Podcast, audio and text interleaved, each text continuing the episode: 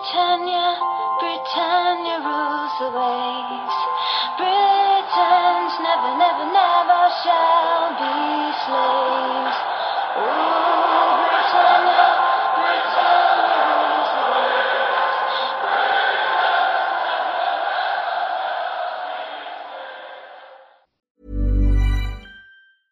waves. Hey, I'm Ryan Reynolds. At Mint Mobile, we like to do the opposite of what Big Wireless does. They charge you a lot, we charge you a little. So naturally, when they announced they'd be raising their prices due to inflation, we decided to deflate our prices due to not hating you.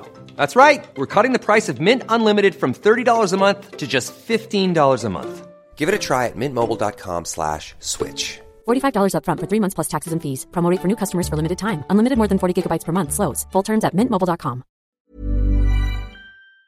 Rule Britannia, Britannia waves.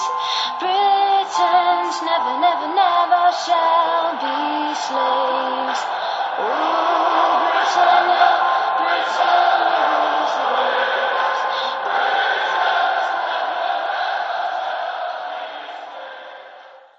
Hej och välkomna till Svenska FPL-podden avsnitt 114. Vi ska prata inför Game Week 30 nu när landslagsuppehållet går mot sitt slut. Jag är tillbaka från Sälenfjällen och eh, inga ben är brutna och eh, ja, eh, istället så är det Stefan som har drag, dragit på sig lite eh, tjall i, i halsen. Så Fredrik, eh, du och jag roddar eh, den här veckan. Vi gör så, vi gör så. Eh, vi spelar in tisdagen den 30 mars och agendan för dagens avsnitt är att vi inleder med veckans diskussion och kikar in lite snabbt i, i landslagen och vilka är det som har visat form, vad finns det för osäkerheter inför helgens matcher, eh, spelare som har återkallats till sina lag på grund av skador och känningar och lite sådana saker. Eh, hoppar därefter raskt över till veckans rekommendationer inför Game Week 30 och eh, följer upp med en kaptensdiskussion för Game Week 30. Avslutningsvis så försöker vi dra av era lyssnafrågor som ni har skickat in. Stort tack till Olka Sportresor, Unisportstore.se och Glenn Sportsbar. Med det ska vi gå in i landslagskollen och eh, jag stämde av med dig lite. Du har inte sett så mycket fotboll. Är du sån nu, speciellt det här, den här säsongen kanske det är så extremt intensivt att du har tagit lite vila här under eh, landslagsuppehållet? Ja, men lite, lite så faktiskt. Eh. Och sen är ju, jag tycker landslagsfotboll när det är mästerskap är helt fantastiskt när man ser liksom jobba kompisar och familj som, som knappt vet hur formen på en fotboll men, men ändå liksom stämmer upp i liksom hyllningskör till, till svenska landslaget. Då, då, eh, då är jag i mitt esse. Men det här kvalspelet, liksom möta, med all respekt för Georgien och Kosovo och England mötte San Marino. Liksom, jag, jag har svårt att, att få upp något, eh, något adrenalin över sådana matcher. Jag vet inte hur du känner. Jo, men det är lite samma här. Nu eh, fick det lite extra boost här med Zlatan. Tyckte det var kul och han tillbaka, se honom lite grann. Men annars, ja, Sveriges matcher har jag sett. Men i övrigt så har jag mest försökt hålla ett öga med lite fantasyintresse. Och eh, för mig blev det lite sån här rehab att inte kolla så mycket fotboll som, som jag normalt sett eh, har gjort här under, under säsongen. Eh, jag fick lite paus, precis som många av eh, våra sydamerikanska vänner. Eh, och då tänker jag på spelarna i, i Premier League och övriga ligor eftersom att det sydamerikanska kvalet eh, är inställt. Vi brukar ofta prata om det annars i de här landslagsuppehållen att man ska eh, passa sig lite för eh, med brassarna och argentinarna och lite sådär som har varit iväg eftersom att det, det är långa resor, de brukar komma tillbaka sent. Nu istället så, eh, jag såg någon bild på, på Allison, han har legat hemma i Liverpool och odlat ut en riktig sån drömmusche. Eh, så ja, men, de verkar ha varit liksom såklart tränat lite lätt med, med sina klubblag men de har nog inte kört slut på sig och fått lite välbehövlig vila. Eh, så att det kan nog bara, bara gynna, gynna dem tänker jag. Ja, men jag tror att det var väldigt nödvändigt och eh, det där inställda kvalet det har nog räddat en hel del baksidor så här i slutet av säsongen. Eh, Det är jag ganska övertygad om. Mm. Ehm, annars så har vi en del spelare som dras med en del skador och osäkerhet. Jag som följer United lite extra mycket fick ju eh, lite sen chock när Rashford togs ut i, i engelska landslag. Men han återkallades precis som eh, Mason Greenwood eh, från U21 på grund av lite skador och känningar. Vi får väl se om de är redo nu till helgen redan. Eh, eller om, det är liksom mycket sådana här, eh, alltså, vi pratar alltid om att avvakta men efter de här landslagsuppehållen lite extra mycket, invänta presskonferenser, eh, gör inga byten. Det kommer kanske ske vissa justeringar i priser men så här långt in i säsongen så det är inte värt att jaga de här 0,1 eller 0,2 utan man får ta en prisnedgång eller en prisuppgång. För att Eh, det kommer hända så mycket. Jag är helt övertygad om att vi kommer få nya covidfall. eh, sett till att folk har varit ute och rest och rört på sig istället för den här bubblan som de lever i i, i England och i, i Premier League. Så att eh, ja, men avvakta, ta det lugnt. Jag tror att vi kommer få eh, ganska tydliga besked. Eh, vi har redan börjat få en del besked. Vi såg Aston Villas Twitterkonto la ut nu, Graylish är tillbaka. Eh, Ödegård klev av skadad för, för Norge här i, i, veckan, men nu spelar Norge ikväll och då såg jag att han var med i startelvan. Så att, eh, ja, men vi kommer få information både från liksom efter landslagsmatcherna. Jag tror att sista landslagsmatcherna spelas imorgon onsdag. Eh, Sverige har väl någon träningsmatch mot Estland tror jag. Eh, och mm. Eh, även en del eh, eh VM-kvalmatcher som ska gå av stapeln. Men sen tror jag inte det är något mer här torsdag, fredag inför, inför lördagen och, och deadlinen. Så eh, invänta det och sen så kommer vi såklart få presskonferenser från, från lagen när spelarna återkommer och få lite status där. Eh, en annan spelare som inte åkte iväg på landslagsuppehåll det är ju Son. Jag vet inte om du har hört någonting mer där om, om status på han eller är det bara att invänta Mourinhos presskonferens? Nej, jag har inte hört någonting. Jag såg lite, lite sådär rykten på Twitter och folk som brukar ha hyfsad koll annars som, som att det, att det verkar barkade åt hållet att han var tillbaka igen liksom och, och fit for fight. Men Ja, det, men vi får väl invänta presskonferens där också och hoppas att det ger någonting. Eh, jag vet inte, men, men eh, Nej, jag har inte hört någonting om att det skulle gå åt det sämre hållet för honom i alla fall. Nej, och det pratades ju lite om det att uh, kanske var det så att uh, han eventuellt till och med skulle kunna komma till spel i Game Week 29. Uh, eh, det gjorde han ju inte och sen så började det liksom spekuleras lite om att Mourinho inte ville det för att han inte ville släppa iväg på landslagsfotboll, vilket inte alls är omöjligt, men Eh, ja, det är ju bara spekulationer. Men eftersom att det då spekulerades i att han skulle kunna spela Game Week 29 så tror jag ändå att eh, ja, men, det känns väl inte helt omöjligt att man skulle vara tillbaka här till Game Week 30 som är liksom två veckor efter Game Week 29.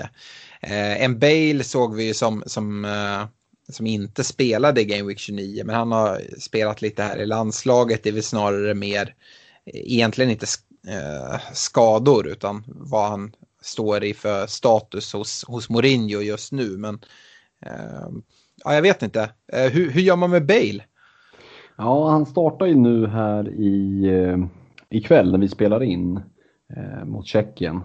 Eh, och, ja, alltså jag och Stefan hade den diskussionen förra veckan och jag har full förståelse för de som skickar honom och liksom svär som borstbindare över hans eh, två uteblivna framträdanden här senaste, men jag kan inte byta ut honom när han möter Newcastle. Det, det är så givet och det är ju det är ju att tro för mycket om sig själv att man har någon form av påverkan, men man kan ju ge sig fan på att gör man det då, då kommer han ju spela mot Newcastle och jag vill inte sitta utan Spurs-spelare som jag har precis bytt ut när de möter ligans sämsta gäng. Nej, alltså jag är också lite inne på det. Jag, jag har ett fritt byte. Eh, jag lutar nog åt att eh, spara det. Eh, och jag sitter ju med Bale. och sen kanske han får ryka i alla fall oavsett om han spelar eller inte mot Newcastle. Får göra plats för, för lite andra spelare. Jag behöver göra en del omstruktureringar i, i bygget känner jag. men det hade varit fint att sitta med två byten också inför den här liksom fixture swing som kommer och många som planerar att dra ett wildcard till Game Week 31. Dessutom skulle han inte spela mot Newcastle är det nog inte hela världen kollar jag på mitt lag så har jag en extremt stark bänk och riktigt svårt att liksom formera mitt lag. Jag tror att det är ganska många som, som har ett, eh, en rätt bra bänk. Hur känner du? Har du kikat någonting ja, på ditt lag? Absolut, absolut. Sitter i helt samma tankar. Ett fritt byte, Bailey-laget. Eh, och det är en del utav det. Eh, om han inte spelar överhuvudtaget då får jag i dagsläget in Struik som eh, ska spela mot Sheffield United hemma. Eh, och jag hade gärna startat honom men jag liksom hittar ingen i elvan att byta ut istället. Eh, så jag är helt med dig på det. att eh, Det är en sak om du sitter med massa skador och inte kan fylla upp laget, ja men då är det väl bara att skicka honom. Så. Men, men sitter man som du och jag med rätt så starka bänkar då, då är det bättre att ha lite is i magen. Speciellt om, om man inte har eh, wildcardet kvar. Just för att kunna få de där två bytena, kunna ta ett fattigmans wildcard med med minus fyra och få tre byten för att verkligen kunna strukturera om ifall, ifall så krävs. Men två byten är ju Två byten är mer än dubbelt så bra eh, som ett byte. Ja. Och man, man, kan väl också säga det att eh, det är väl inte alls omöjligt där inför Game Week 31 att eh, lite av de här resorna börjar ge resultat och det kan komma positiva covid-tester och sånt också. Mm. Det, det, det, det, tar ju ett tag innan man får positivt svar. Och de testas ju väldigt intensivt så att det kan mycket väl vara så att man behöver göra byten av den anledningen. Du nämner att eh, du har en strök. Som det ser ut för mig just nu så har jag Gündogan etta på bänken, jag har Watkins tvåa. Eh, det är ändå spelare som jag, ja men, rent krass skulle jag liksom kunna fingra på, på en eh, benchbus som jag satt kvar med det. Mm. Uh, så att uh, av den anledningen, Bale får nog vara kvar. Tills vidare i alla fall. Eh, sen får vi se, jag kanske tvingas att göra något byte i alla fall, men jag tror inte, även om vi får besked att någon av mina spelare är skadade så, så kan jag nog liksom bara ta den och sätta in Gündogan eller Watkins eller sådär. Så, det, är om, det är om Bale drar en baksida idag då, mot, mot Tjeckien. Ja, men är det liksom långtidsskador, absolut. Men det är väl ungefär det som skulle kunna ändra liksom, planerna. Annars tycker jag att eh, sitter man i en sån situation som både du och, och, jag verkar göra så, så gör man bäst i att försöka få ihop de där två bytena till, till eh, framtiden. För de kommer att behövas. Och som sagt, eh, det kommer vara många wildcards som, som dras här i, eh, inför Game Week 31. Och, för oss som redan har förbrukat det är det bra att ha, ha någonting i alla fall och kunna, kunna göra. Eh, Ska vi nämna det också med, med England där, det är ju mycket fantasy-lirare ändå. Eh, och, och, vi fick ju se mål ifrån Mount och Kane och Calvert Lewin och ganska många sådana här eh, relativt, eh, ja men där det finns stort fantasyintresse. Så att mm. Många där som ser ut ändå att vara på gång och som man kan ju tänka annars att de liksom passa på att löka sig igenom ett, ett landslagsuppehåll, visserligen ett VM-kval, men ändå. Att man liksom får lite andhämtning. Men eh, de verkar ju ha hållit eh, farten uppe. Ja, och dessutom sådana spelare, vi kommer komma till rekommendationer snart, men du nämner en Calvert Lewin, du nämner en Mason Mount, alltså spelschemat ser ganska fint ut för Everton och Chelsea här framåt, så att eh, det är spelare som, som man kanske kan kika mot också. Mm. Uh, Pratar man lite formspelare sådär, jag, jag kunde inte eh, låta bli av att eh, se att Zuzek gjorde hattrick mot, mot Estland. Eh, vad Estland står för för motstånd, ja det får väl vi se imorgon när Sverige ska möta dem. Men eh, tre mål är tre mål. Eh, Zuzek dock, jag vet inte, jag gillar ju West Ham och, och deras schema, men det är svårt att liksom Eh, fokuserar fokusera på honom när vi ser en super Jesse Lingard som bara fortsätter leverera. Jag vet inte hur mycket praises ni gav honom i förra veckan. Nej, men vi konstaterar väl liksom det att eh, ni gjorde väl Zuzek där ett, självmål, men att det har väl stannat av lite där. Hade Lingard inte funnits med i leken så hade väl Zuzek fortfarande varit ganska intressant, men eftersom priset, prisskillnaden inte är så, så stor dem emellan Eh, så är det ju svårt att bortse från en Lingard. Det är väl en no-brainer eh, att gå på honom. Jag tycker att Zuzek också kommer inte lika mycket upp i offensiva situationer nu när Lingard är i laget. Eh, utan att han lite fyller det hålet där, där Zuzek kom inspringande i, in i straffområdet flera gånger. Och det gör att han kanske sitter tillbaka lite mer tillsammans med Declan Rice på mittfältet där. Mm.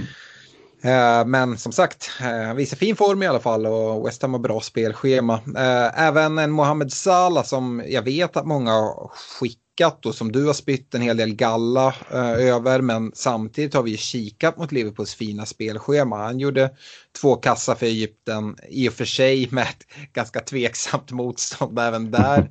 det är så svårt att värdera, men för en spelare som Salah som vi vet hur duktig han är, han kan, eh, oavsett om det är ett lätt motstånd, han kan ju bara behöva det för att liksom hitta rätt. Eller hur, hur tänker du där? Vi, vi vet ju att Liverpool har ett fint schema.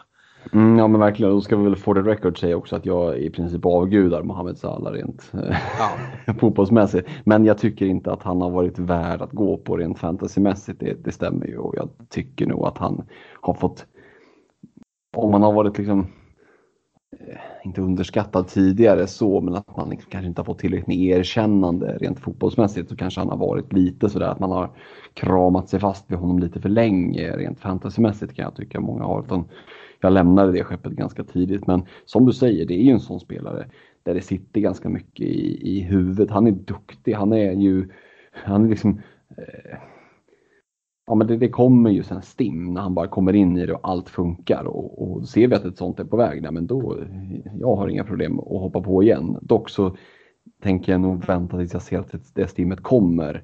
Eh, jag kommer nog inte liksom gambla på att, eh, att det kommer innan jag ser det. Nej. Om vi stannar lite i Liverpool där såg vi även en Jota som nu är tillbaka som gör båda målen för Portugal i 2-2 matchen mot Serbien. Mm. Det är ju många som kollar på prisskillnaden där, ja, men den är ganska rejäl. Visst, ehm, jag, jag kan väl fortfarande se att Salah känns lite mer säkrare till speltid än, än vad Jota är, men Jota kommer få mycket speltid nu också. Framförallt tycker jag han visar fin form här. Jag tycker Liverpool generellt sett är ett lag som många har övergett och får väl se här när folk drar wildcard um, hur, hur folk resonerar kring Liverpool-spelarna. Jag sitter ju med både Salah och Trent och sitter nog kommer nog sitta kvar där eh, på båda. Eh, I alla fall Trent som jag tycker är värd att nämna. Han blev ju lite lite chockerande för min del. Eh, inte ens uttagen i Englands trupp, uh, vilket kan vara positivt och att han fått lite vila här. För jag tycker att Trent har visat ganska fina tendenser här på senare tid. Du får ju rätta mig om du har en annan åsikt som verkligen kollar på Liverpool tajtare än vad jag gör. Men jag tycker han har sett eh, liksom ändå ja, bättre ut här på senare tid. Eh, jo, men jag kan absolut eh, hålla med om att det börjar gå åt rätt håll. Eh, sen om det säger hur, hur, hur risig han var innan det eller liksom så. Nu har man ju, man ska komma ihåg att killen är ung, man har liksom väldigt höga förväntningar på honom. Eh, och de har han ju skapat själv genom att han var väldigt bra framförallt under förra, förra, förra säsongen. Men, eh, nej men alltså med de matcherna Liverpool har, det finns ju väldigt goda chanser till nollor såklart. Eh, så att det, det, och som du säger, om, om ägarandelarna sjunker, det behöver inte vara fel liksom, att sitta med dem. Eh, och generellt sett sitta med Salah Trent. Jag skulle säga att det är liksom, problemet är inte att äga dem egentligen. Problemet är ju vad du går miste om när du äger dem. Eh, mm. För att du har ganska mycket pengar investerade i det. Mm. Så det handlar egentligen mer om priserna. Så därför tycker jag att en sån som Jota är ju superintressant. En ägarandel på under 5% Så det är liksom en differential alla dagar i veckan. Eh, och ett pris som är 6,7 eller vad han ligger på. Det är ju, låt säga nu att du faller för trycket och vill liksom skeppa Bale till exempel. Ja, det är ju ett ganska enkelt sätt att, att skapa sig bra med, med cash på banken och för att kunna liksom göra en framtida rockad. Vi kommer ju komma till uh, lite rekommendationer. Vi kommer Eh, förmodligen även i nästa avsnitt prata och ta ut wildcard-lag och resonera kring det. Även om vi inte har wildcards kvar själva. Stefan har väl det, men eh, varken du eller jag. Men vi kikar på det. Eh, mm. Jag tycker att det finns ett case. Det finns många billiga mittfältare som nu ändå är intressanta att gå på. Eh, Wolves schema vänder här eh, och vi har en, en Neto där. Vi har eh, Jota är du inne på. Vi pratar Mason Mount med jättefint spelschema. Jesse Lingard. Vi har en Raffinje i Leeds som presterar jättebra de här kostar ju ingenting. Eh, samtidigt har vi liksom eh, spelare att, eh, men Kane som kostar en del på topp, vi har en Vardy, alltså går liksom tungt på anfallsspelare. Leicester har ju också ett väldigt fint spelschema. Eh, nu möter de City här i, i eh, Game Week 30, men därefter, alltså det är ju det är ju helt galet uh, när, man, när man kikar, kikar Leicester. Vad är det? West Ham 31, West Bromwich 32, Palace 33, Southampton 34. Mm, det... ja, det, det känns kanske som att man ska börja växla om där. samtidigt så vet vi att City, de börjar mer och mer liksom säkra ligan fullt ut. De Eh, de har eh, de har Champions League som ligger som fokus. Eh, är det där man ska lägga pengarna på liksom dyra City-spelare? Eh, de har en blank här i, eh, i 33. Eh, att man kanske liksom tummer sig där och, och går hårt in på, på andra spelare. Eh, ja, jag tycker det ska bli jätteintressant att se hur, hur, hur både du och många andra med faktiskt aktiva wildcard eh, kommer resonera kring, kring City och de tillgångarna. Um, men mm, eh, vi, vi sparar det en vecka, eh, går djupare in i det då. Eh, ska även nämna det en Kane som förmodligen kommer pratas en del i en kaptensdiskussion. Han, han gör 1 plus 1 mot Albanien i Englands 2-0 vinst också. Eh, ja, ånga på där. Eh, Game Week 32 vet jag att du och Stefan pratade en del om i förra veckan. Vi har ju fått lite mer eh, tydlighet och besked kring den och det, det, är en utdragen Game Week, eller vad säger du? Alltså vad fan har de gjort? De har ju fuckat upp den helt. Alltså, det är ju, ett, det är ju liksom ett ritualmord på en Game Week. Den är från fredag till torsdag, bara det är illa nog. Men alltså eh, fredag en match, lördag två matcher, söndag två matcher, måndag en match, tisdag en match, onsdag två matcher, torsdag en match. Ja, det är ju kul för oss som gillar att kolla fotboll att det finns fotboll att kolla på varje kväll men jag vet inte, rent fantasymässigt känns det bara som att det blir lite sådär det blir lite avslagen Game Week kan jag tycka. Det som åtminstone livar upp det lite grann det är ju att Spurs får den här Double Game Weeken. Så det är i alla fall någonting att, att, att glädjas åt. Mm. Precis, och eh, jag vet att du sitter kvar med din triple captain eh, och eh, normalt i de här double game weeksen så brukar det ligga ett väldigt tight eh, matchande. Men eh, eftersom att den är så utdragen så Spurs spelar ju fredag, onsdag. Eh, och det är ju liksom jättefint och ja, jag förstår om man fingrar. Du har ju redan i tidigare poddar avslöjat det att ja, men det spelar nästan ingen roll när de lägger in den. Den kommer hamna på Kane där om inte han är skadad. Så att, är, det, är, det anställt, är det anställt alarmet i, i, i telefonen här? Det bara ringer att det är bara att trycka av direkt efter. Ja. Nej men så är det ju. Det, det är ju den givna triple captain omgången på, på en Hurricane om han är skadefri för min del. Eh, det är inget snack. Yes. Eh, vi lämnar det där och går vidare till veckans rekommendationer och tänker att vi kanske kör ett bara blankt blad och inte pratar så mycket vad vi nämnde senast när vi hade rekommendationer för det var ändå ett tag sedan. Eh, och Fredrik, jag vet inte, du kan väl börja med, med dina försvarsrekar? Mm, ja, men det är alltid kul att, att skjuta lite vilt med, med, med, ett blankt blad. Så jag slänger in eh, en Aspilicueta, eh, en Jonny i Wolves och en Luka Din i Everton. Härligt, kul att vi inte har någon eh, lika. eh, men jag tycker det finns många fina alternativ. Eh, ja, måste jag, säga. Jag, jag, jag, kan väl backa alla, alla tre i ditt. Eh, Ding var kanske den som var närmast för mig eh, av, av de tre eh, och komma in på reksidan. Men jag behöll Cresswell som jag har pratat om tidigare jag håller honom väldigt högt eh, i och med hans fasta situationer och eh, hur jag, jag, tycker ändå West Ham ser bra ut. Och, eh, jag, jag gillar deras spelschema. Mm, jag håller med. Så att äh, Cresswell, han, han får nog sitta där och kommer nog göra det ett tag om det inte liksom verkligen eh, ändrar sig. Sen så istället för Aspelikueta som du nämner så har jag gått på det billigare alternativet i Rydiger.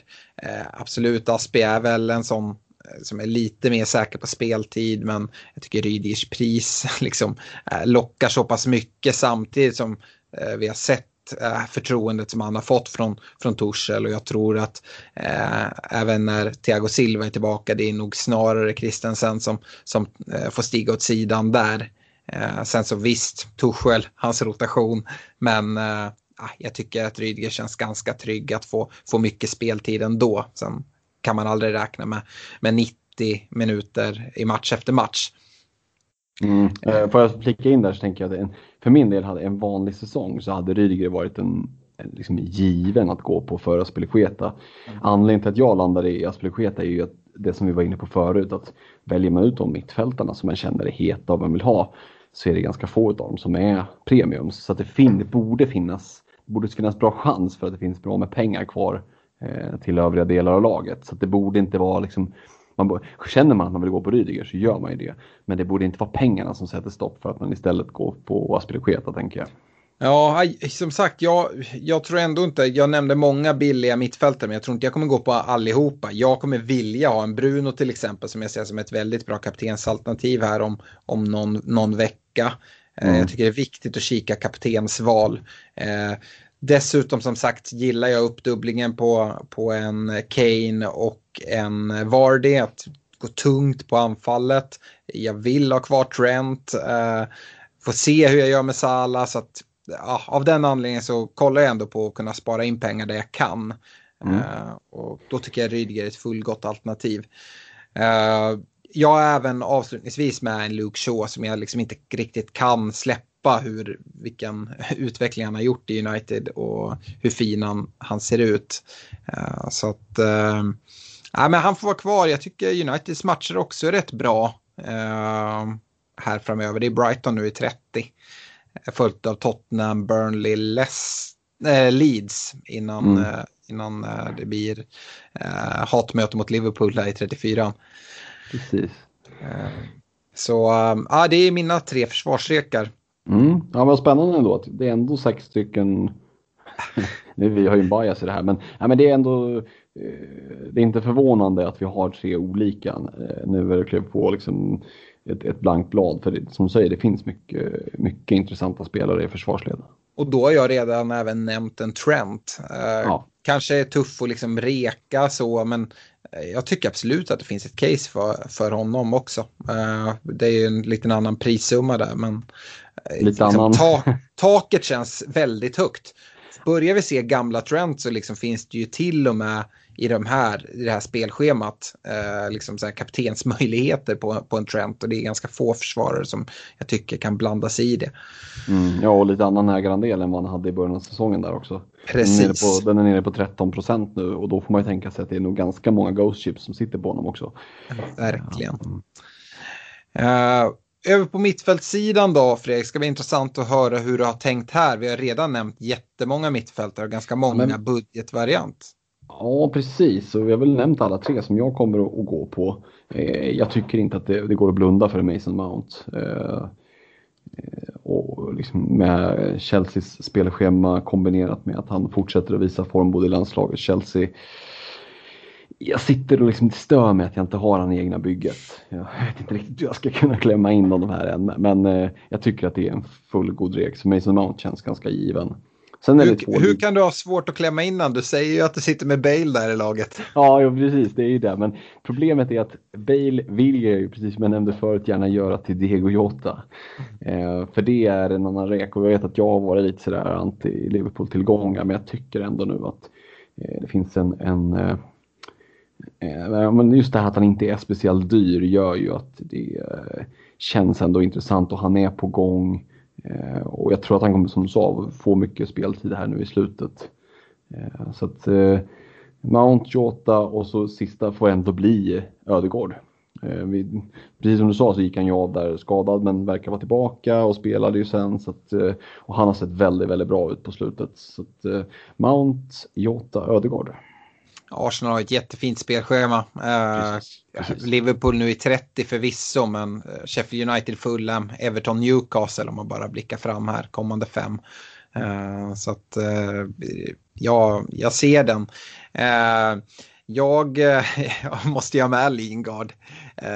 han sitter i mitt bygge och jag är väldigt nöjd med honom. Och jag tror faktiskt inte att det är en tillfällighet här att han ser så pass bra ut just nu. Eh, I det här tajta spelschemat så han har ju vilat i, i förbannelse här. Väldigt Vila flera år. ja, men alltså jag, jag, tror han har ett enormt spelsug. Eh, det är en självförtroendespelare. Han har fått en jätteboost här med den här uh, lånflytten till, till West Ham och den start han har fått, återkallad till landslaget och uh, ja, men han, han går på mål nu. Eh, allting flyger med honom. Jag vet att liksom, han har överpresterat sin, sin stats, eh, men det, det brukar han göra när han kommer in i de här stimmen.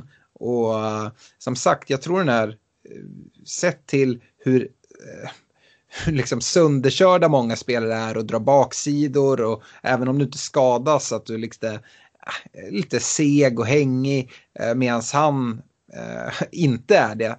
Eh, jag tror det är det vi ser resultatet av och det är därför han också överpresterar sina stats. Ja. Så um, ja, jag sa det till Cresswell också. West Ham har fint spelschema. Eh, Lingards form. Alltså jag, ja, jag, jag gillar Lingard. Eh, han, eh, jag unnar han där också. Det, han har ju blivit liksom en lite så här ja, meme-vänlig spelare som folk har gjort narr av mycket. Eh, jag som United-supporter har liksom ändå alltid tyckt, alltså han har fått jävligt mycket skit. Jag tycker att han har fått en del oförtjänt skit också. Eh, så, nej, kul för honom. Eh, tycker jag verkligen. Och jag tycker han är en bra fantasyspelare eh, som det är just nu i det här West Ham. Mm, mm. Eh, Mason Mount hakar jag på där också. Eh, ja, det är spelschemat. Så ändå den roll han har fått i, i Torshälls Chelsea och så som vi ändå letar efter offensiva Chelsea-spelare och, och, få in i den här rotationstombolan som, som Torshäll har, har dragit igång. Eh, där verkar ju Mount klara sig ganska bra jämfört med många av hans eh, kollegor. Så att eh, det är väl han man ska gå på om någon. Och man kanske vill ha någon och inte bara mm. de defensiva tillgångarna här med det här spelschemat. Mm. Uh, och sen så jag tycker det är svårt. Alltså, jag gillar Jota också. Uh, har ändå valt att avvakta lite där. Jag tycker också, nu gör jag lite så här shoutout till sådana som inte har tagit sig med i mina mittfältsrekar innan jag nämner min tredje. Men Bruno är också en sån där spelare som jag bytte ut för, som jag nu verkligen kollar på att ta in, just med tanke på, på kaptensalternativ. Uh, ser man här, Game Week 32-33 då man, då man eh, letar, uh, letar bindlar. Då har United Burnley hemma i 32, de har, har Leeds borta i 33. Mm. Där tror jag Bruno kommer vara liksom rätt fin. Det är såklart, tar man in en Jamie Vardy så har de fina hemmamatcher de, de veckorna också. Det finns såklart andra alternativ. Men han kommer vara ganska tungt bindlad där och eh, jag tror han kan göra det bra. Eh, så att han skulle man såklart kunna ta in men jag avvaktar med det och kastar istället in en av de här budgetspelarna som jag redan varit inne på i Neto i Wolves. Eh, Wolves spelschema är ju, jag vet inte vad man ska säga. Eh, West Ham, Fulham, Sheffield, Burnley, West Brom. Det är kommande fem. Eh, så ja, och då tycker jag att Neto är eh, dit man kanske kikar först och främst i, i Wolves-laget. Mm. Eh, så det blir mittfältsrekarna med några sådana här eh, liksom shoutouts till, till andra spelare. Eh, på anfallssidan då, jag har redan pratat om dem och jag ja. går på redan nu. Kane Vardy är det för min del. Jag går tungt här. Mm, ja, nej, men det, det är ju fullt förståeligt och, och jag gör nästan likadant. Eh, Kane Calvert-Lewin. Eh, mm. Tycker att eh, men Calvert-Lewin börjar vakna till nu efter att ha haft en liten downperiod där i mitten av säsongen. Eh, och matcherna ser riktigt, riktigt fina ut tycker jag. Eller riktigt fina, men jag tycker ändå att de ser bra ut. Eh, man, liksom, man ska inte låta sig luras av eh, men så här, matchsvårighetsgraden som finns i, på officiella sidan och så kikar man lite vad det är de ska mötas. Och, alltså ett Palace hemma, ett Brighton borta, ett Villa hemma, ett Sheffield United hemma. Det finns fina matcher kvar. Eh, och, och Calvert Lewin är ju en sån spelare som även om man möter ett Arsenal så kan han mycket väl peta in något mål här och där. Så att, eh, nej, Calvert Lewin känner jag ska vara med.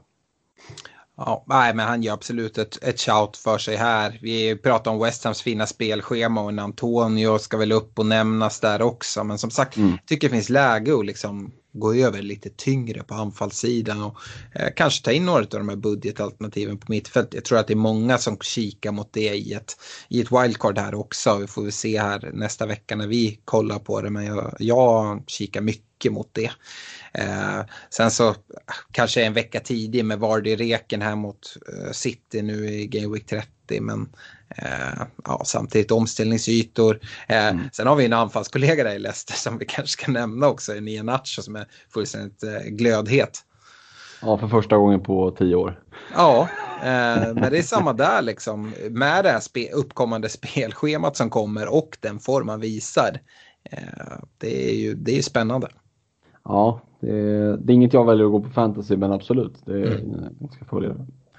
Uh, jag tror han kommer leta sig in i en del wildcards-byggen faktiskt. Uh, tror, han, tror, han, ja. tror han kommer få spela då när, när Ward är tillbaka? Jag tror ju det. Uh, mm. Jag har svårt att se Rogers peta honom i den form han, han är i nu. så ja. Yes, vi ska gå vidare med en kaptensdiskussion, Game Week 30. Mm. Mm. Och Eh, ska väl även nämna att det är lördags deadline 12.00 inför Chelsea West Bromwich 13.30. Och uh, jag har sett en del uh, liksom fingra lite mot Chelsea. Jag tror bland annat Alonso nämnts som en liksom liten sån riktig pant att köra på i Chelsea. Men vi ska väl ändå börja diskussionen med Newcastle Spurs och en Harry Kane. På något sätt jag kan, jag kan inte tänka mig att eh, det kommer vara någon som är mer kaptenad än, än Kane i, i den här gameweeken.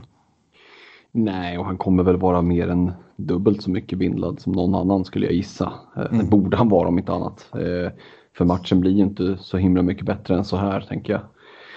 Uh, nej, men det, det, finns inte så mycket mer att säga. Jag har ju liksom pissat på Newcastle ett par veckor här nu och, och, och, och har ingen tanke på att sluta om det. Liksom det de, de har åtminstone inte gett mig någon anledning till att sluta. Eh, de, de är så urusla. Så att, eh, och i och med att Kane ändå inte har dragit någon ny ankelskada på det här landslagsuppehållet än vad vi vet. Inte eh, än, de har väl match inte än. Ja exakt, förhoppningsvis så vilar de honom då.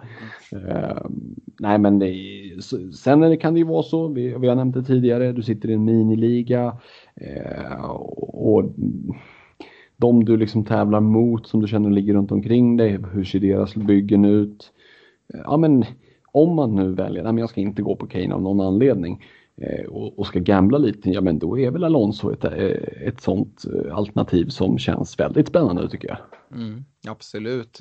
Jag tycker så här också att eh, det är liksom svårt. Jag, jag jag, jag sitter med binder på Kane just nu och mycket lutar väl åt att han kommer stanna kvar där. Det kanske är det tråkiga valet men jag är en ganska tråkig manager. Eh, sen så eh, ska man vara djävulens advokat där. Vi har kastar mycket skit på Newcastle men om man kollar lite bakomliggande statistik så deras försvar är faktiskt inte uruselt. Det finns många försvar som är sämre. Eh, jag tror att de ligger, om man kollar lite beroende på vilken statistik man kollar, de ligger någonstans 9-10 eh, i, eh, i försvaret som ligger någonstans i mitten faktiskt. Eh, så att, ja, ja, jag vet inte. Samtidigt känns Kane liksom som ett väldigt bra kapten. Kollar man vidare, så du har varit inne på Calvert Lewin, de ska möta Palace. Mm. Det är inte en dum, liksom om man nu väljer att gå utanför eh, för Kane-spåret. Ska även nämna Leeds där och en Rafinha kanske och även en Bamford. Eh, de, ska, de ska ta emot Sheffield eh, hemma på Ellen Road. Jag ja, tycker nej, men så det finns är det case där också. Ja, men så är det. Det finns möjligheter där. Och, och det är klart att sen, den vi inte har nämnt heller, du har en Bruno eh, som ju rent spelmässigt är kanske en av de bästa spelarna i hela ligan. Och man har ändå en hemmamatch mot ett Brighton som tycker om och, och försöka rulla boll i backlinjen och som lätt kan bli lite övermodiga. Eh, jag menar om ett Bruno skulle komma undan med 1 plus 1 och 3 bonus, det är ju ingen chock om det, om det händer mot Brighton hemma. Mm. Nej, jag, jag vill eh, höja ett varningens finger där. Jag kommer själv inte att sätta binden där. Men eh, det skulle kunna vara sån här enkel liksom. Ja. Fan. Finns det någon karma i världen så måste ju Brighton få vinna den här matchen. Jag tänker på liksom första mötet den här säsongen. Det är ju liksom ja. århundradets rån. Uh, jag tar ju jättegärna en, en vinst för United men samtidigt alltså Brighton Eh, vi har varit inne på det länge. Deras liksom, försvarsspel har ju varit riktigt, riktigt bra. Och de har ju faktiskt börjat gått från de här expected-mästarna till att faktiskt få resultat med sig nu också. Och det är väl egentligen bara Chelsea som matchar deras försvar här på liksom, senare tid. För, för City har ju faktiskt börjat släppa en del kassar. Just City ska möta Leicester borta. Eh, alltså City kikar jag inte mot. Sen har vi Arsenal-Liverpool. Eh, skulle Stefan vara med på den här podden så hade han bollat upp Salah som kapten för han tror alltid att eh, det är liksom det lag som möter Arsenal. Det är där man hittar bästa kaptensalternativet. Eh, men man ska väl säga det också, det är Europaspel som kommer. Eh, mm. Så det är väl också där att liksom läsa, läsa hur eh, Pep och eh, Torshäll och, och eh, grabbarna roterar. Eh, för mm. någon rotation lär vi väl se, eller hur, hur tänker du? Jo men absolut, och nu börjar vi komma så långt i Europaspelet att det börjar bli liksom väldigt prioriterat. Eh, det är så pass få matcher kvar och, och eh, så, så, att man kan räkna med att alla lag som är kvar i framförallt Champions League kommer ju verkligen att högprioritera det. Jag vill lägga till där om Brighton, alltså, jag håller med om att, håller med både om att de har spelat upp sig och att de framförallt om att de de förtjänar mer den här säsongen. Men man ska också ha med sig att eh, de fem senaste matcherna har de mött Newcastle, Southampton, Leicester, West Bromwich, Crystal Palace. Eh, och, när man nu kliver upp mot United så är det ett annat typ av motstånd. Eh, så för min del blir jag inte förvånad om matchen slutar 3-1 liksom. Så. Nej. Eh, jag, jag har jättesvårt att se att, att United ska göra tre mål mot, mot detta tajta Brighton.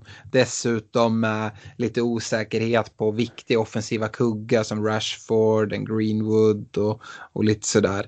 Eh, men eh, ja, jag, tar, jag tar gärna 3-1 eh, på, på förhand så. Eller gärna en nolla också då jag sitter med så i mitt bygge. Um, Eh, Eh, men äh, jag vet inte, jag tycker att man... Eh, jag tycker det finns många bättre alternativ än, än Bruno för, för binden här. Jag hade till exempel som sagt, och även om, då, om jag inte går på, på Kane, hellre kikat mot äh, menar, kanske både, både Leeds och äh, en Calvert Lewin äh, före jag hade gått till, till Bruno. Mm, mm.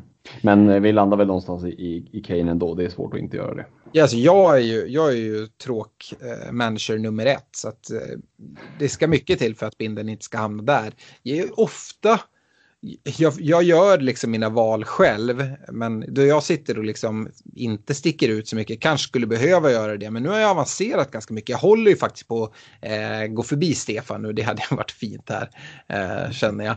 Eh, men det, jag sticker inte ut med kaptensbindeln eh, speciellt ofta utan jag tar det mest logiska valet och det gör ju de flesta andra också. Så jag följer strömmen även om jag egentligen inte bryr mig hur, hur and, andra bindlar. Eh, så, så blir det ofta så att det är många andra som ja, men, följer en liknande. Eh. Det finns ju ett ganska känt citat som säger att eh, rätt slips garanterar inte att du når toppen men fel slips kan garanterat hindra dig från att nå dit. Lite så är det ju med kaptener också, att rätt kapten garanterar ju inte att du liksom vinner spelet, men fel kapten kan ju garantera att du torskar ganska hårt en, en game week. Ja. Eh, och det skulle kunna vara en sån på, på, på Kane den här eh, veckan. Låt säga att han kliver in och gör eh, två mål, en ass, tre bonus eh, och så sitter man där utan binden liksom. Lagt den på någon Bamford som, som eh, blankar, ja, eller, en, eh, eller en Bruno för den delen det är svårt att liksom känna efterhand då att äh, den där såg jag inte komma. Nej. Ja, men eh, vi går vidare med lyssnarfrågor och det, det, är nästan så här om att lyssnarna snackar ihop sig. Men det är många som sitter med, med wildcard och kikar mot 31 vilket jag tycker de gör helt rätt i. Mm. Och Eh, då så sitter man ju här inför Game Week 30 och har alla möjligheter att inte hålla på ett byte, för det finns ingen anledning att göra. Och verkligen försöka göra någon så här, ja men hitta någon superspelare bara för en Game Week. Uh, ja, vi har flera lyssnare som ställer den frågan, men uh, ja, har du någon där som uh, Niklas Sjöström bollar upp till exempel att han funderar på att ta ut Dank och ta in Alonso och liksom, eh, det är väl ett case liksom. Har du någon annan sån där liksom kortsiktig bara för Game Week 30 för de som sitter med wildcardet. En, en riktig superpant. Eh, ja, men det beror ju lite på såklart vilken lagdel man, man eh, tänker sig i. Men eh, jag tror ju att en sån som, och det är ju även aktuellt för, tycker jag, för, för ett wildcard, men det blir ju Eh, så det, det, här tipset kanske gäller även för de som inte har eh, wildcardet kvar. Men jag tycker att en sån som Luka Ding i backlinjen, de ska möta Pärlas hemma. Eh, god chans till nolla eh, och vi vet att han tar mycket fasta situationer offensivt eh, ja, men piskar in inläggen. De har, ett, som jag var inne på tidigare, ett ganska småtrevligt spelschema och har ju dessutom då eh, en, en eh, dubbel som inte vet riktigt när den kommer. Men någon gång kommer den och då kommer Ding sitta i mitt bygge och bara casha in ytterligare poäng. Mm. Själv då? Har du någon annan spaning förutom Alonso där? Alltså jag, jag, gillar ju Luka Ding, jag gillar eh, Alonso också som en sån kortsiktig. Och som sagt, eh, man kan ta in Alonso, man kan inte vara säker på en start. Eh, det är jättesvårt. Samtidigt som sagt kommer man förmodligen ha en vettig bänk. Och, eh, om inte Alonso startar tror jag inte heller han kommer in. Eh, det... Eh, vilka var det Chelsea lottades mot Champions League? Har du den på uppstuds eller? Chelsea är väl inte kvar i eh, Champions League? Jo, de slog väl ut Atletico eller? Ja, men det gjorde de ju. Och då blir jag. Snilla spekulerar. Ja, eller hur? Snilla spekulerar. Eh... Nej, jag gör bara snabb... Jo men, jo, men Porto, eller hur? Ja, precis. Uh, så de fick ju en rätt, rätt schysst, uh, schysst lottning. Ja, och så möter de Liverpool eller Real Madrid i semin. Ja, eh, så jag vet inte hur han resonerar där kontra liksom Alonso och Chilwell. Eh, de börjar ju dessutom borta mot Porto. Eh, e-, efter helgens, helgens omgång. Så... Ja, riktig jävla drömlottning. Jag hade redan förträngt det, det var därför jag tänkte Men vi, vi, om vi slår ut Real så, så får vi möta dem i semi där. Så, ja, eh, nej men som sagt jag, jag gillar väl båda dem, Dign och Alonso. Jag tycker det är svårt att hitta annars så här eh, eh short punts liksom. Mm. Eh, det är ju många spelare som, som är ganska högt ägda som jag tror kan göra det bra den här gameweeken. Liksom. Många sitter med leadspelare, de möter Sheffield hemma. Uh, vi har liksom Spurs som möter Newcastle, har varit inne på. Uh, så det är väl kanske där i Everton, uh, Palace eller Chelsea, West Brom som, som man, man kan hitta det. Eh, sen kanske inte det är de roligaste. Eh, det är det man vill egentligen, är att ta in någon riktig jävla skräll och sätta kaptensbindeln där. Så det kanske är Alonso eller Dign. Skulle du kunna tänka dig att sätta binden på en Luca Dign eh, hemma mot Palace? Nej, det vore ju helt sjukt men ja, alltså, om, om jag av någon anledning skulle landa, i, hade liksom varit i en situation där jag känner att nej men Kane är inte aktuell eller jag, jag liksom kan kliva ifrån Kane som kapten eh, utifrån eh, situationer i miniligor eller så. Ja men då om man vill spara riktigt jäkla bålsigt så ja, alltså varför inte så. Eh, om man ändå har bestämt sig för att inte välja Kane. Mm. Eh, då, är, då är väl han lika god som Alonso egentligen. Eh, mm. det är ju riktiga, riktigt ballsy moves alltså. Eh, men jag, jag, jag är nöjd med att bara ha honom i bygget inför en sån här match. Faktiskt. Mm. Ganska låg ägande, 9% bara på, på Lukading. Mm. Uh. Ja, Uh, gällande wildcard så uh, en av våra lyssnare, Asad Amaya, har skrivit in och undrar om det är onödigt slash dumt att ha kvar både free hit och wildcard efter Game Week 32. Uh, eh, han sitter alltså ganska nöjd här. Eh, har inte tänkt att göra något byte inför kommande omgångar heller dessutom. Eh, ja, jag vet inte, hur, hur resonerar du kring, liksom om man nu sitter med ett lag man är väldigt nöjd med, Eh, och man har wildcard kvar. Hade du ändå liksom tvingat fram det här i 31 för att det är många andra som, som kikar mot det eller eh, ja? Ja, den är ju tuff alltså, men jag... Eh, det ska nog ganska mycket till för att jag hade som känt att nej, men jag ska inte göra någonting. För att lite som vi var inne på, det finns ändå mycket alternativ att välja på. Sitter man med wildcardet kvar så eh, känns ju risigt att dra wildcard liksom i Game Week 37 kan jag känna. Det, det, det, I alla fall en sån här säsong känns det då tycker inte jag att man nyttjar dess fulla potential utan eh, det, det är väl liksom inget fel att växla upp till sexans växel från, från femmans. Eh, det funkar ju att lägga i femmans växel på motvägen också men, men mm. eh, har du möjlighet att växla upp, växla upp så, så, skulle jag nog ändå ta den. Mm. Eh, och då har vi varit inne på att det här är ett ganska bra läge inför, inför eh, nästa vecka. Eh, så jag hade nog, jag hade nog liksom eh, jag hade nog inte suttit och hållit på det allt för länge. Jag vet inte vad du säger. Nej, alltså nu har han skickat in sitt lag. Jag tycker det är svårt i, i podden att lyfta sådana här frågor då, men jag ser det och du ser det inte. Men jag ser ändå förbättringar som går att göra. Kanske inte till just den här gameweeken, men just att dra det till gameweek 31. Uh, han sitter helt utan Leicester-spelare. Uh, det gillar inte jag sett till vad som händer från 31 och framåt. Uh, han eh, sitter med Stones, Cancelo och Gündogan. Han sitter med en Gareth Bale. Um, han sitter med, mm, ingen, en, ingen, han sitter med Louis ingen Dunk. Din, ingen Dinje, ingen Alonso, ingen Lingard. Nej, men alltså jag, jag tycker, alltså det, det, är inget dåligt bygge på något sätt. Han har ju din favorit Mount i bygget till exempel. Men mm. eh, jag tycker absolut att det finns liksom förbättringar att göra. Eh, men det måste man ju känna själv också. Är man supernöjd med det här och verkligen tror på de spelare man har, det är klart, kör. Man ska inte göra som alla andra. Eh, då får man ju samma resultat som alla andra. Men eh, jag tycker, jag rekommenderar Assad att lyssna på, på, på nästa avsnitt när vi kommer presentera lite olika wildcards-förslag och så får han kolla om han tycker att de är, är bättre än det bygge han själv kommer ha utan något wildcard. För att jag ser egentligen inte så mycket bättre lägen att använda wildcardet sen. Jag gillar att använda det eh, liksom inte allt för nära säsongsavslutningen. Just ett wildcard så man får nytta av det flera omgångar.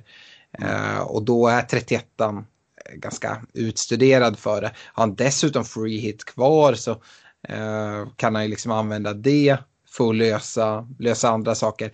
Eh, jag skickar ju till dig här, Agüero gick ju ut nu nyligen med att han ja, men, gör sin sista säsong i Manchester City.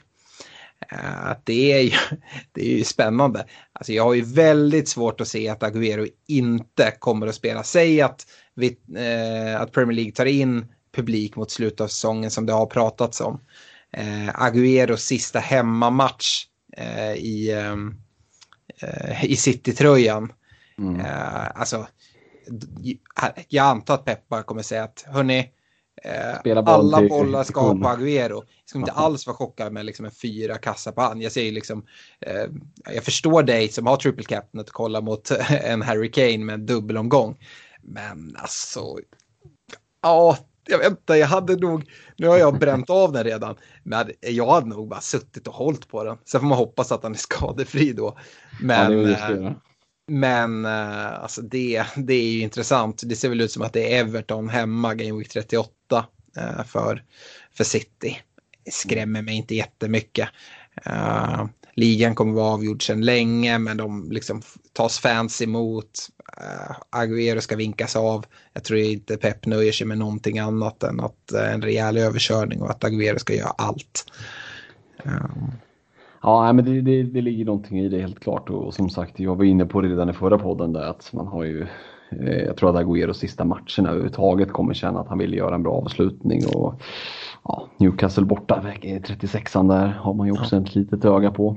Ja, men med, sett till det så som sagt, eh, hade jag haft kvar free hit nu och haft kvar wildcard så hade jag nog dragit ett wildcard i 31an. Byggt upp det utan speciellt mycket City-spelare tror jag.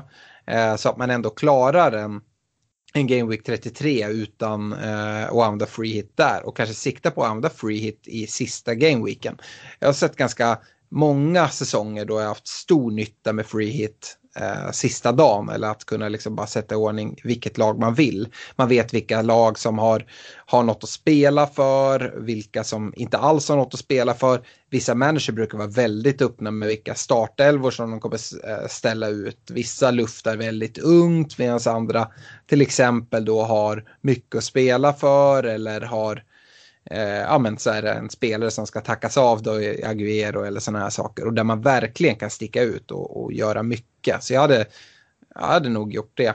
Uh, och så kanske inte haft så mycket City-tillgångar. Jag tycker City-spelschema är lite svårt. Det är svårt att gissa uh, startelvorna. Man gillar ju den här matchen, Game Week 31, eh, Leeds hemma. Uh, men vilka spelar då?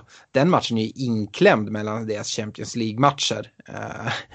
Och alltså, äh, det man vill är att sätta en binder på en City-gubbe där, men ja, jag vet inte alls. Så att, och sen är det blank i 33an. Och, äh, jag känner att man kan gå utan jag eh, skulle nästan gå helt blank från City eh, fram till Game Week 34. Eh, det, jag hade inte haft något problem med det, alltså i ett wildcard. Nej, nej men verkligen. Ska vi säga det också, vi kommer ju prata med wildcard nästa, nästa vecka, men eh, apropå att återknyta till, till frågan här att det kan ju också vara så att man drar ett wildcard fast man sitter nöjd med laget. Jag tror många hamnar i ett läge när man drar wildcard, man liksom går in, transfers, trycker krysset på alla spelare bara får ett liksom ett blankt blad att börja bygga ifrån. Men eh, det behöver ju inte vara fel heller att du landar i att du gör tre, fyra byten och behåller resten. Det är helt okej. Okay, liksom. det, det behöver inte vara ett bortkastat wildcard för det. Det är liksom ett, ett eh, liksom trippel eller kvadruppelbyte som hade kostat dig 12 eller 16 poäng eh, gör liksom att du boostar laget ännu mer. Om man nu känner att man är väldigt, väldigt nöjd med bygget, man bara vill göra några få justeringar, så kan ju det vara värt det också. Eh, jag tror många kan känna så här, ah, men nu har jag ju ett wildcard så nu måste jag ju prova något nytt. Eh, och så behöver det inte vara i alla fall, tänker jag. Nej, absolut inte. Sen tre byten kanske är lite väl snävt kan jag tycka. Det brukar väl finnas någonting mer att göra, men jag, jag hör vad du säger och jag håller med. Eh, så att, eh, nej, eh, alltså du får gå på egen magkänsla som sagt, men känn efter lite här inför eh, Game Week 31. Jag, jag, tror att det kommer vara ganska, ganska vettigt läge. Eh, då skulle man ju även liksom kunna strunta i City helt, som jag är inne på. Kanske fylla upp med, med några Spurs-gubbar som då har dubbel i, i 32an och som man sen kan bank, bläng, äh, eh, bänka i, inför 33. Äh, eh, då, då, då måste City ha blanken. Äh, eh, så. Men det, just wildcard kommer vi återkomma till. Eh, när vi ändå pratar Spurs så Tobias Boman eh, hör av sig. Eh, Eh, undrar vad vi tror om Son om han är tillbaka. Det har vi pratat lite grann om. Eh, jag tror att chanserna är hyfsat goda men att man kanske får invänta presskonferens. Han sitter då med den här eh, Spurs-trippen med Bale, Son, Kane och sitter och hoppas att alla ska lira mot Newcastle vilket såklart vore ja, riktigt fint.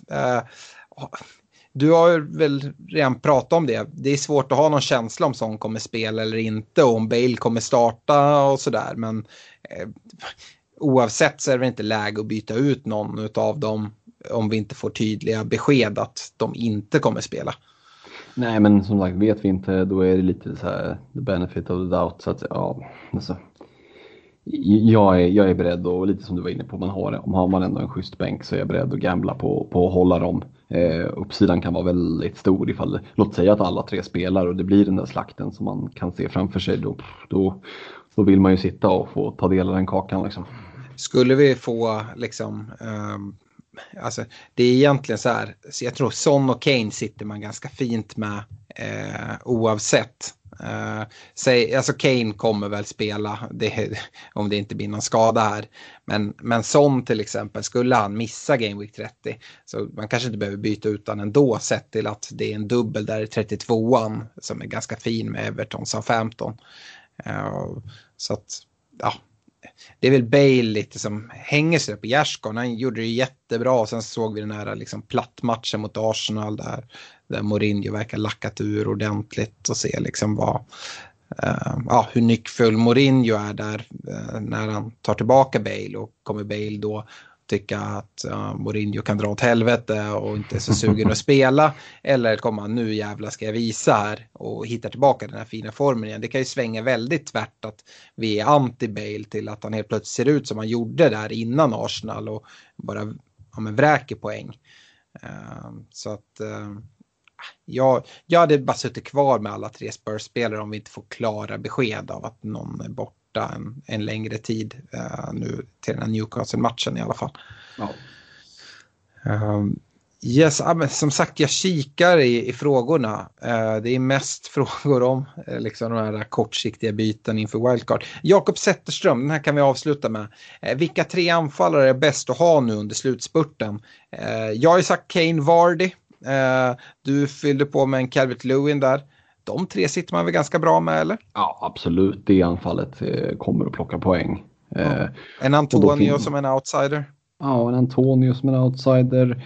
Eh, ja, det behövs väl inte så mycket. Du kan ju bara ha tre i laget. Så att, eh, vill, ja, men vill, man gå, vill man gå verkligen liksom och ändå sticka ut med, det har vi ju pratat om tidigare här, att ägarandelar är ju intressanta. Sen blir ju ägarandelarna ännu mer intressanta när du börjar kombinera dem. Ja. Och hur många lag sitter med Calvert Lewin, Kane Vardy i anfallet? Ja, det är ju det är under en procent, det vågar jag nästan lova. Mm. Um, så ja, men det, det tremananfallet, som sagt, borde inte vara...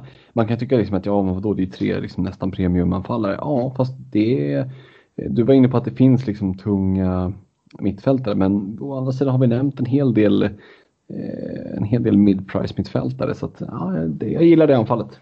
Ja, alltså jag kan absolut se, se mig starta med något sånt, liksom wildcard, eh, där jag har de tre. Jag kanske fyller på med ett, pre, med pre, ett premiumalternativ i Bruno på mittfältet, men sen har ett ganska billigt mittfält. Eh, mm. Liksom som sagt, Jota finns som ett liksom, komplement där utan att lägga alla pengarna eh, på Sala och liksom ändå kunna få förmodligen ungefär samma utdelning. Eh, vi har liksom City där med liksom lite tveksamheter kring hur startelvorna ser ut. Jag skulle inte ha något problem att gå utan dem här eh, ett tag. Eh, alternativt bara ha, ha Gündogan. och sen så, ja, jag, jag ser absolut att det är möjligt att gå ett så tungt anfall och ändå få upp ett riktigt starkt lag. Mm.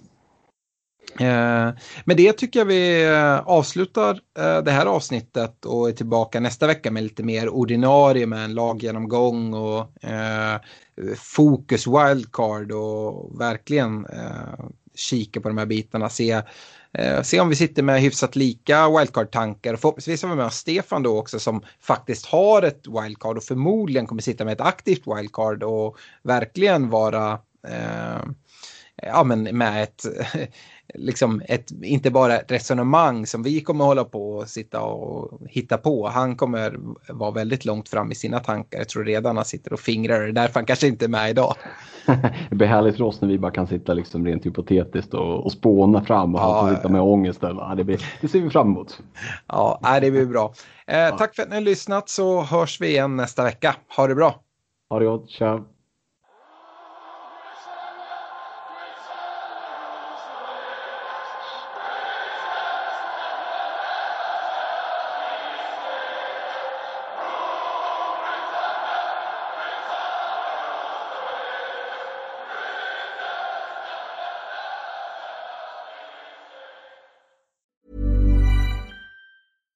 Deserves the best, and there's no better place to shop for Mother's Day than Whole Foods Market. They're your destination for unbeatable savings, from premium gifts to show-stopping flowers and irresistible desserts. Start by saving 33% with Prime on all body care and candles. Then get a 15-stem bunch of tulips for just $9.99 each with Prime. Round out Mom's menu with festive rosé, irresistible berry chantilly cake, and more special treats. Come celebrate Mother's Day at Whole Foods Market.